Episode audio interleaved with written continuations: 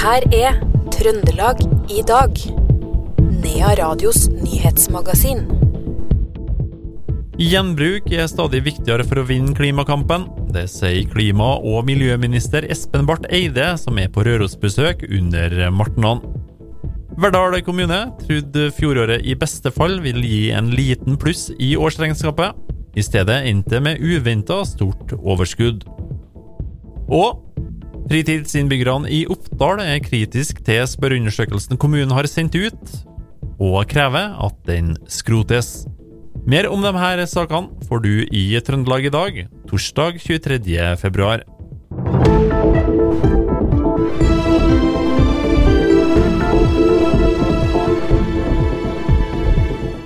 Først skal vi til Røros.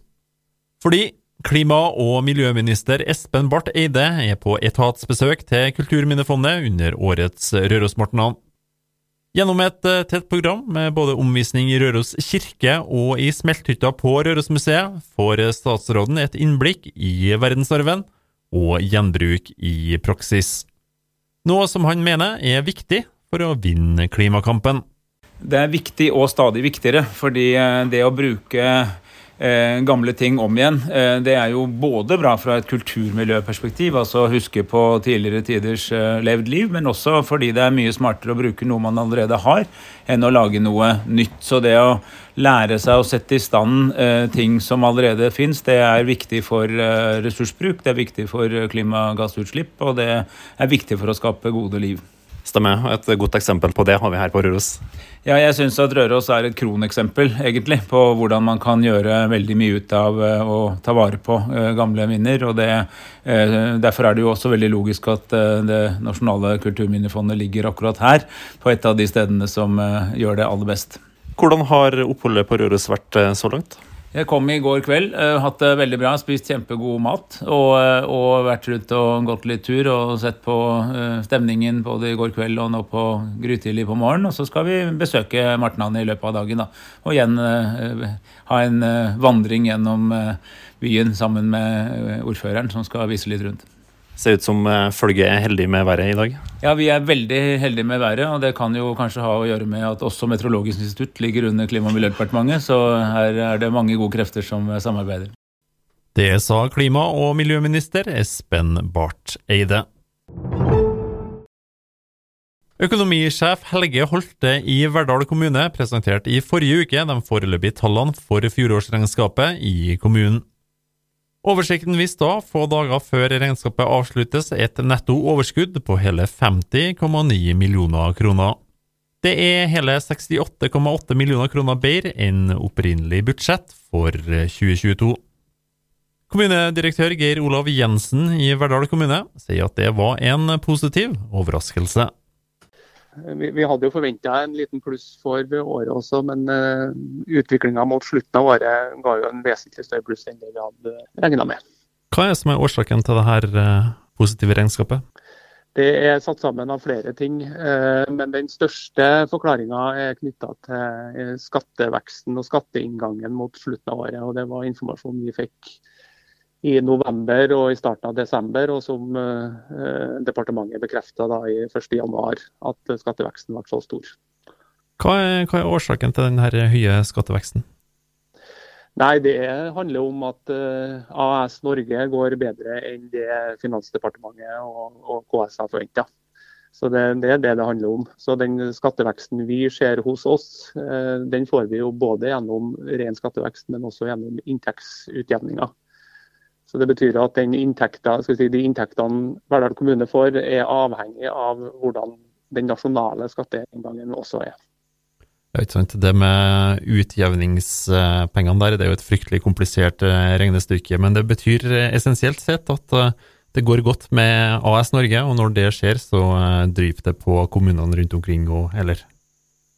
Ja, det stemmer. AS Norge går bedre enn forventa. Det er egentlig det som skjer. Og, og de tallene det, det, fikk vi første gang det på slutten av året. Da. Så det, det gjør en liten pluss til en stor pluss. Det sa kommunedirektør Geir Olav Jensen i Verdal kommune. Oppdal kommunes spørreundersøkelse blant 6000 fritidsinnbyggere får nå kritikk nettopp fra fritidsinnbyggerne. Oppdal hytteforening, som er en paraplyorganisasjon med 1800 medlemmer, mener den undersøkelsen kan manipuleres, og ber nå om at den skrotes. Det sier leder i Hytteforeninga, Vibeke Larsen. Ja, Den viktigste utfordringa der er jo at den er helt åpen.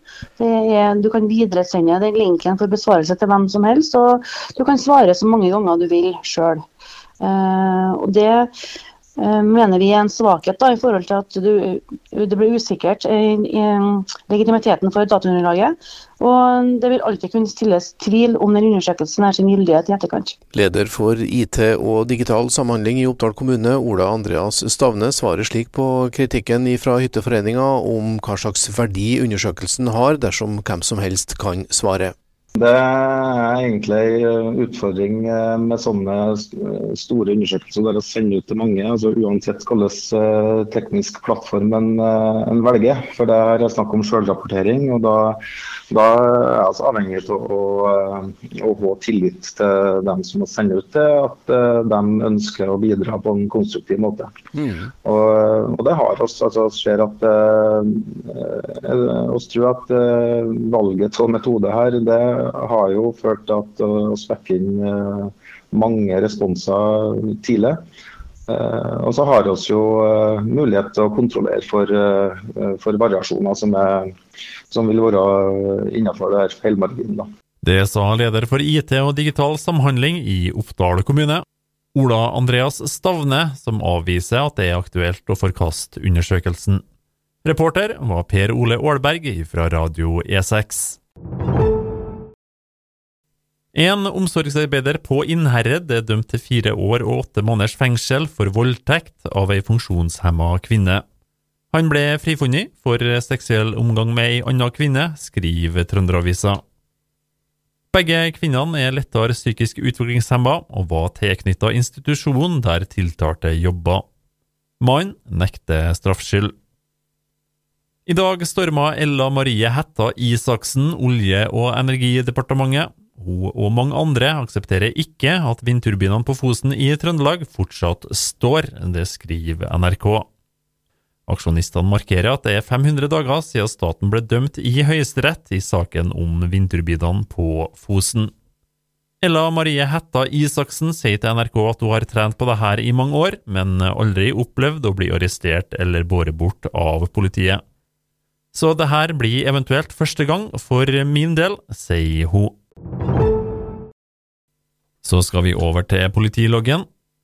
I Bradden i Rissa skal tre biler ha vært involvert i en kollisjon rett etter klokka to. Operasjonsleder ved Trøndelag politidistrikt, Ronny Fiskvik, forteller kvart over to at helse- og brannvesen er frem på stedet, og at alle involverte fremstår som uskadd, sier han. Det skal være svært glatt på stedet. E6 ble stengt ved Stav pga. et sammenstøt mellom en personbil og en trailer i dag tidlig. Traileren kjørte inn i bilen bakfra, og føreren av personbilen fikk helsehjelp etter ulykka. Ulykka skal ha skjedd i lav hastighet. Rett etter den første ulykka på E6 ved Stav skjedde enda et trafikkuhell på stedet. Det var to biler som støtte sammen i sørgående kjørefelt. Ingen var skada, og det var ekstremt glatt på sted. Så skal vi over til andre nyheter. Investortrioen Øyvind Karstens, Rune Nordstokke og Torkel Skive har sikra seg seks mål av Oppdal sentrum, etter oppkjøpet av den gamle Grøset kafeen som ble lagt ned ved årsskiftet. Nå eier de et helt kvartal i indrefileten av sentrum og har store planer for utvikling av det som de foreløpig omtaler som Aunetun-kvartalet, forteller Øyvind Karstens. Vi syns det her blir en eh, god eh, totalitet, med at vi også da hadde Øneveien 4 fra før av. Eh, og da oppnår vi egentlig det vi kanskje hadde håpa på, det å få se hele kvartalet i en helhet. Mm. Og Vi står jo nå da i det som på en måte er Øneveien 4, altså den gamle Grøsset, ned i Fjøsnebua bl.a. og biblioteket her. og øh, Hvilke tanker har dere nå for det som jo faktisk er et helt, øh, helt kvartal, Nordstokke? Nei, altså som Øyvind sa, så, så kan vi nå begynne å, å skissere ideer. Eh, hvordan framtiden skal se ut her. Vi har jo eh, stor respekt for den historien som eh, henger ved disse to tomtene, Grøssetten og Fjøsne. Samtidig så, så skal vi bygge noe som er bærekraftig, som er der, og vi skal lage en god fortetning i Oppdal sentrum, sånn at vi òg skaper liv eh, her. Det sa Rune Nordstokke der til slutt, du hørte også Øyvind Karstens. Reporter var Per Ole Aalberg fra Radio E6. For tredje året på rad økte innbyggertallet i Lekka i fjor, og det endte med en oppgang på 19 personer. Nå mangler det kun 18 personer før kommunen når 600 innbyggere. Lekka-ordfører Elisabeth Helmersen sier til NRK at de har satsa på økt tilflytting, bo- og trivselstiltak og gode stimuleringsordninger som har gjort det her mulig. Så skal vi over til kultur. Gallapremieren under filmfestivalen i Berlin på den norske barnefilmen Helt super er utsatt etter en klage fra en antirasistisk filmorganisasjon, skriver Trønderavisa. Regissør Rasmus A. Sivertsen fra Inderøy sier til NTB at han stiller seg helt uforstående til reaksjonen, og har ikke fått innsikt i hva den er begrunna i. Helt super er skapt av Kvisten Animasjon, som står bak blant annet de nye Flåklypa-filmene, og nå sist Folk og røvere i Kardemomme by. Klagen som filmfestivalen mottok på søndagen, gikk ut på at Helt super inneholdt stereotypiske fremstillinger av fargede mennesker, ifølge Berlingske Tidene. Trøndelag i dag, torsdag 23. februar, fikk du fra Iver Valldal Lillegjerdet.